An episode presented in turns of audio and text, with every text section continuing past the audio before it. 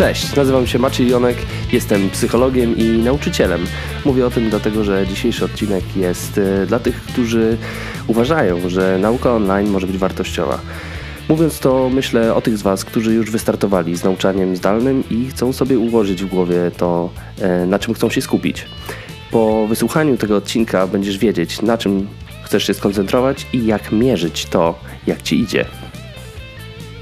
Zanim zaczniemy, oczywiście bardzo serdecznie chciałbym podziękować e, Michałowi Kawie, który napisał do mnie wczoraj wiadomość na Messengerze, która przekonała mnie do tego, że trzeba nagrywać dziś od razu i jak najszybciej publikować. E, to było mi potrzebne, bo zastanawiam się nad tym tematem od dłuższego czasu i im dłużej się nad nim zastanawiam, tym bardziej jestem przekonany, że trzeba jeszcze coś przeczytać, jeszcze trzeba się czegoś dowiedzieć. I gdyby nie ten impuls, ten podcast prawdopodobnie by powstał nigdy. Funkcjonujemy w systemie edukacji, który daje nam ogromne możliwości i wolność e, wybierania sobie koncepcji albo tego, co jest dla nas istotne w, w nauczaniu. Oczywiście wiem, za każdym razem, kiedy e, pojawia się temat tego, że mamy wolność do robienia czegoś, trzeba się zastanowić, czy ta wolność nie wynika z tego, że e, zostaliśmy porzuceni i nikt się nie interesuje tym, co my robimy. Natomiast z punktu widzenia nauczyciela nie ma to kluczowego znaczenia przy wyborze koncepcji, którą będzie się posługiwał podczas e, nauczania. Z punktu widzenia systemu jest tak, że w sali 58 może uczyć człowiek, który e, skupia się na umiejętnościach badań społecznych, nauczania tego, w jaki sposób radzić sobie z problemami, których jeszcze nie ma. A dwie sale obok może być ktoś, kto skupia się na nauczaniu specyficznych, bardzo konkretnych umiejętności i sprawdza, czy te konkretne, specyficzne umiejętności zostały nabyte przez, e, przez jego uczniów. To znaczy, że z wyborem swojej koncepcji nauczania nauczyciel zostaje sam. E, może sobie wybrać, na czym będzie się skupiał, i chciałbym, żebyśmy nasze rozważania o jakości edukacji zaczęli od tego, co uważamy, że jest w niej najważniejsze, albo może inaczej, od tego, mm, co możemy sobie wybrać, że jest w niej najważniejsze. Pokażę kilka koncepcji, o których y, mówię na szkoleniach i podczas y, zajęć na uczelni i chciałbym, y, żebyście zastanowili się nad tym, które z nich najbardziej pasują do, tego, jak myślicie o swoim nauczaniu i o swoich uczniach. A potem zastanowimy się, jak biorąc pod uwagę te koncepcje, wybrać sobie sposób mierzenia e, jakości tego, jak nauczamy. Pierwsza koncepcja, koncentruje się na tym, e, żeby uczniowie właśnie nabywali konkretnych umiejętności. Zgodnie z e, tradycyjną e, wizją edukacji powinny być to umiejętności czytania, pisania i liczenia. I dopóki nauczyciel naucza tych podstawowych umiejętności, a jeszcze do tego uczy wiedzy podzielonej na dziedziny, spełnia założenia tej koncepcji. Drugie podejście zakładałoby, że to, co ma robić nauczyciel, to tworzyć atmosferę e, sprzyjającą temu, żeby uczniowie w trakcie zajęć się uczyli. Więc e, nie jest tak kluczowe to, żeby przekazać konkretną wiedzę, treści e, przez nauczyciela, czyli żeby nauczyciel nie tylko podawał wiedzę, ale też żeby tworzył właśnie atmosferę sprzyjającą temu, żeby uczniowie nauczyli się czegoś sami. I wtedy ma trochę mniejszą kontrolę nad tym procesem i trochę inaczej przekłada się jego działanie na efekt, natomiast y, daje to uczniom taką y, dodatkową wartość y, w postaci relacji i w postaci większej samodzielności w wybieraniu tego, czego chce się dzisiaj nauczyć. Jest też taka koncepcja, która jest y, chyba najbliższa mojemu sercu i y, ja starałem się w ten sposób nauczać wtedy, kiedy pracowałem w szkole i y, teraz y, staram się tak nauczać, kiedy pracuję ze studentami na uczelni. Ta metoda zakłada, że mm, ja jestem, ja jako nauczyciel, nie spotykam się ze studentami czy tam z uczniami na początku drogi, tylko wyznaczam im cel, do którego mają dojść i organizuje im tak wiedzę, mm, materiały, y, aktywności, żeby y, na końcu jakiegoś procesu spotkać się z nimi i podsumować ich pracę. Ta metoda jest o tyle trudna w odbiorze przez ucznia, że mm, może powodować, że czuje się on sam ze swoim zadaniem, ze swoją aktywnością i powstaje pewne napięcie między miejscem, w którym jest, a miejscem, w którym ma się znaleźć. I ja zakładam, że to napięcie ma spowodować to, że w tym uczniu pojawi się motywacja, żeby wykonać to zadanie, żeby się tego, tej konkretnej umiejętności nauczyć, albo żeby wytworzyć w sobie wystarczająco głęboko ugruntowaną postawę. Każda z tych koncepcji ma e, inną skuteczność i inny sposób mierzenia tej skuteczności i jakości tego, jak my robimy to, co robimy. E, w związku z tym teraz e, chciałbym, żebyśmy się przyjrzeli specyficznym sposobom badania jakości w konkretnych koncepcjach. Jeżeli przekazujemy uczniom konkretną wiedzę, konkretną umiejętność albo pokazujemy im konkretną postawę, no to logiczne jest to, że na końcu musimy sprawdzić, czy oni tą postawę, wiedzę czy umiejętność mają. Jeśli uczę ich, jak wbić gwóźdź, no to na końcu musi być egzamin, który polega na tym, żeby e, oni wbili gwóźdź. Jeśli uczę ich o tym, kiedy był chrzest polski, no to na końcu oni muszą mi powiedzieć, kiedy ten chrzest polski był i może nawet w jakich okolicznościach się wydarzył. E, więc muszę sprawdzić to, co wiedzą. Żeby badać jakość nauczania, które wynika z tej koncepcji, trzeba sobie postawić konkretne cele w nauczaniu, te cele realizować, a potem sprawdzać, na ile one są e, zrealizowane przez uczniów. Czyli na ile to, co ja powiedziałem, zostało zapamiętane, na ile to, co pokazałem, oni są w stanie powtórzyć, na ile postawa, o której mówię, jest realizowana w ich zachowaniu. W związku z tym, po zajęciach realizowanych e, z tą koncepcją, trzeba uczniów zapytać dokładnie, co wiesz, i porównać to, co on wie, umie, jak e, się zachowuje, z tym, co ja sobie założyłem, e, planując lekcję. Czyli zanim wejdę do klasy, piszę sobie w zeszycie, dziś uczniowie nauczą się tego i tego, i zanim wyjdę z klasy, pytam ich, czego się nauczyli, i sprawdzam, czy to jest to, co ja sobie założyłem. Ta koncepcja daje dość dużą swobodę w korzystaniu z narzędzi, dlatego że na koniec takiej lekcji można zrobić y, pięciopytaniowy test ABCD i on już nam da informację o tym, czy uczniowie nabyli tą wiedzę, o którą mi chodziło w trakcie tych zajęć. I to jest tyle. I ja nie muszę udowadniać więcej, ja nie muszę głębiej badać. Mogę badać to, jak długo oni zapamiętają to, czego nauczyli się z mojej lekcji. Mogę na przykład na koniec miesiąca zrobić sprawdzian i jeszcze raz wrócić do tego. Natomiast jeżeli zakładam sobie, że moi uczniowie w trakcie moich zajęć mają posiąść konkretną wiedzę i widzę, że ją posiadają, badanie jakości edukacji się kończy. Uczniowie nauczyli się tego, czego mieli się nauczyć. I jeśli to jest dla Ciebie wystarczające i chcesz teraz skończyć słuchanie mnie i pójść do swojego zeszytu i zapisać sobie tam proste cele i pięć pytań do każdego celu, to jest wystarczające. I to jest to, o co zapyta Cię kurator, jak przyjdzie na wizytację, i to jest y, to, co jest potrzebne, żeby udowodnić realizowanie podstawy programowej. Natomiast y, zanim sobie pójdziesz, to chciałbym, żebyśmy się zastanowili jeszcze nad y, tym, w jaki sposób badać jakość edukacji wtedy, kiedy założymy sobie, że naszym mm, głównym celem jest tworzenie atmosfery i budowanie relacji w klasie. Bo żeby tym się zająć, trzeba spojrzeć nie tylko na to, czego uczniowie się nauczyli, ale jak się czuli wtedy, kiedy się tego uczyli. I żeby to sprawdzić, to przed wyjściem z klasy nie wystarczy ich zapytać, e, kiedy była bitwa pod Grunwaldem, ale trzeba się też skupić na tym, czy ktoś w trakcie lekcji się odezwał, ile razy się odezwał, czy odzywał się w, tylko w kwestiach merytorycznych, czy też y, brał udział w atmosferze zajęć. Śmiał się z żartów, y, sam opowiedział żart. Więc, y, żeby badać atmosferę w klasie, trzeba zapytać uczniów o to, jak się czują. Ale to nie wystarczy, dlatego że mm, nasi uczniowie mają różne umiejętności w opisywaniu tego, jak się czują. Więc y, w tej koncepcji narzędziem badawczym y, jest y, opinia i odczucie nauczyciela.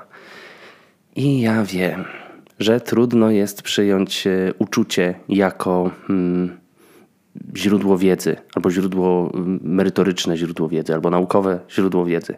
Natomiast y, jeżeli nauczyciel wychodzi z zajęć i jest zmęczony i zdenerwowany, to znaczy, że taka właśnie była atmosfera tych zajęć. Więc y, badając y, relacje i klimat lekcji, trzeba się też zapytać o to, jak się czuje nauczyciel wychodząc z klasy. Więc tutaj istotne jest to, żeby połączyć to, jak czuje się nauczyciel po zakończonej lekcji i to, jak uczniowie mówią o tym, e, jak się czują na koniec tej lekcji. To mogą być e, pytania zamknięte typu czy, czy dałeś radę się dzisiaj wypowiedzieć, czy lekcja ci się podobała, czy czułeś się dobrze, albo czy czułeś się sobą podczas lekcji, e, czy czułeś się pewny siebie, czy czułeś się bezpieczny, czy czułeś się zmobilizowany? I możemy z tymi pytaniami iść głębiej. Do jakiego stopnia czułeś się sobą, do jakiego stopnia czułeś się bezpiecznie. I jeszcze głębiej, które z elementów dzisiejszej lekcji wpłynęły na to, jak się czujesz i możemy sobie tą lekcję rozpisać na konkretne aktywności albo na konkretną wiedzę. Jak się czujesz z tym, że Mieszko wziął chrzest i wziął sobie nową żonę? Jak się czujesz z tym, że Zygmunt Freud palił cygara? Jak się czujesz y, z tym, czego się dowiedziałeś na temat y, pola magnetycznego na dzisiejszych zajęciach? Jak to wpływa na ciebie? I pewnie kiedy przyjdzie kurator i y, będzie robił kontrolę Twoich zajęć, to mm, może nie zapytać o to, jak się czują Twoi uczniowie w trakcie lekcji.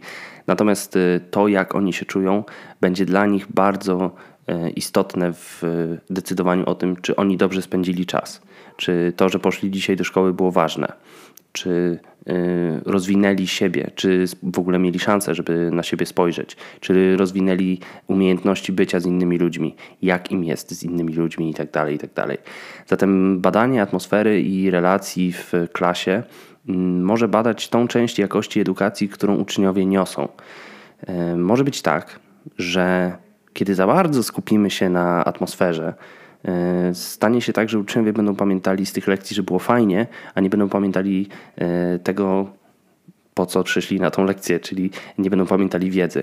Dlatego istotne jest, żeby zachować tutaj równowagę. Natomiast e, zachęcam do tego, żeby nie pomijać i nie bagatelizować tego, jak się czujemy w trakcie lekcji, tego, jak się czuje nauczyciel i tego, jak się czują jego uczniowie. Pracując y, ze starszymi uczniami i z dorosłymi, e, trzeba założyć, że oni mają już dość sensowną i dużą wiedzę, zanim rozpocznie się lekcja. A naszym zadaniem jest y, skorzystać z tej ogromnej wiedzy. Więc y, w tej koncepcji, o której teraz opowiem, nauczyciel staje się facylitatorem procesu. To znaczy tworzy warunki do tego, żeby uczeń się uczył, do, dostarcza mu treści, dostarcza mu aktywności i dostarcza mu e, takiego mentorskiego prowadzenia przez te treści i przez te aktywności. Natomiast e, jest jakby na zewnątrz procesu uczenia się. Więc jeśli ja zakładam na przykład podczas mojej lekcji, że trzeba będzie przeczytać kawałek tekstu i na podstawie tego tekstu wytworzyć kilka pytań lub połączyć treść tego tekstu z wiedzą, którą już moi uczniowie mają, to żeby sprawdzić, czy to było jakościowe, czy to było wartościowe, na koniec zajęć muszę sprawdzić, czy oni też odczytali to jako swoje zadanie. To znaczy, czy jeżeli ja stawiam zadanie, proszę przeczytać, to oni odczytują, że moim zadaniem w trakcie tej lekcji było czytanie.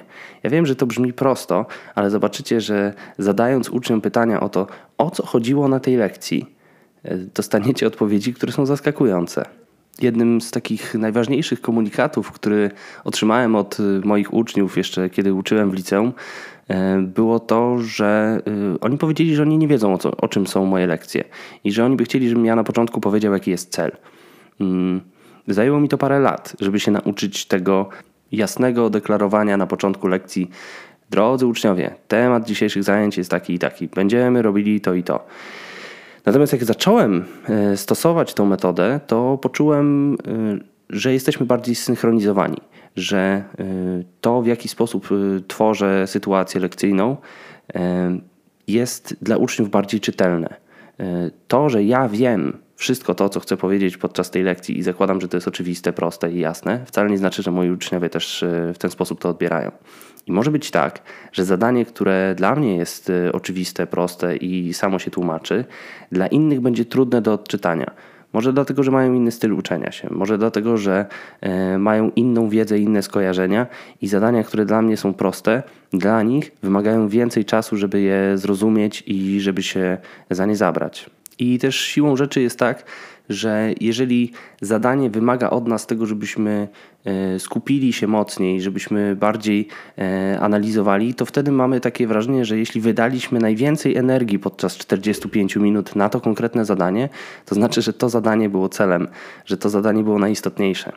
Więc jeżeli zadaję uczniom zadanie, które ma trwać 7 minut i polegać na tym, że oni przeczytają akapit tekstu i potem sformułują do tego pytania, a to zajmie największą część ich energii, to jak zapytam ich na koniec zajęć, co było dzisiaj najważniejsze na tych zajęciach, to powiedzą, że właśnie to, co wymagało najwięcej energii, a nie to, co wymagało najwięcej czasu. Zatem badając jakość facylitowania procesu uczenia się w trakcie zajęć, trzeba zapytać uczniów o to, na ile my jesteśmy zsynchronizowani, na ile wy robiliście to, co ja chciałem, żebyście robili, na ile dobrze odczytaliście, e, może nawet nie na ile dobrze, tylko na ile skutecznie odczytaliście moje założenia dotyczące tego, co jest przedmiotem dzisiejszej lekcji, jakie aktywności są e, dzisiaj istotne i nad czym myśmy tak naprawdę pracowali.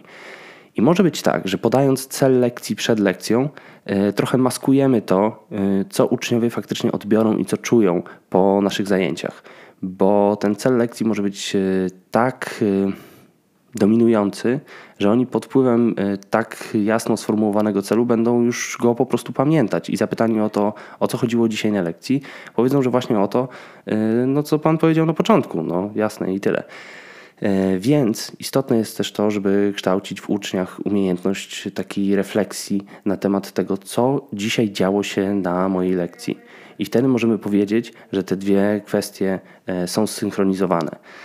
Mówię o tym dlatego, że e, tu powstaje jeszcze większy problem niż przy badaniu jakości edukacji przy pomocy tego, jak nauczyciel czuje się po lekcji.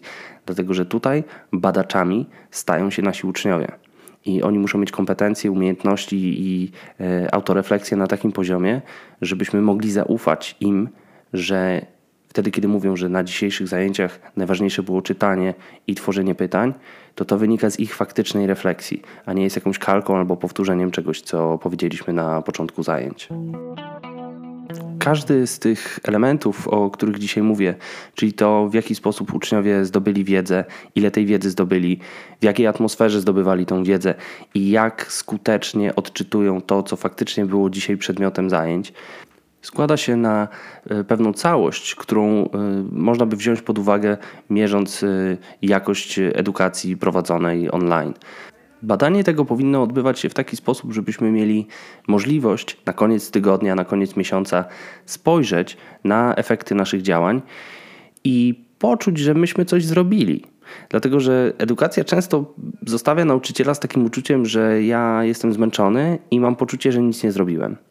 E, a jak się mówi do nauczycieli o tym, że trzeba to notować, że trzeba to badać, że trzeba robić ankiety, pytać uczniów, zapisywać ich odpowiedzi itd., tak itd., tak to to brzmi jak dodatkowy obowiązek, jak coś, co pan psycholog y, wymyślił sobie, e, żeby nam utrudnić pracę.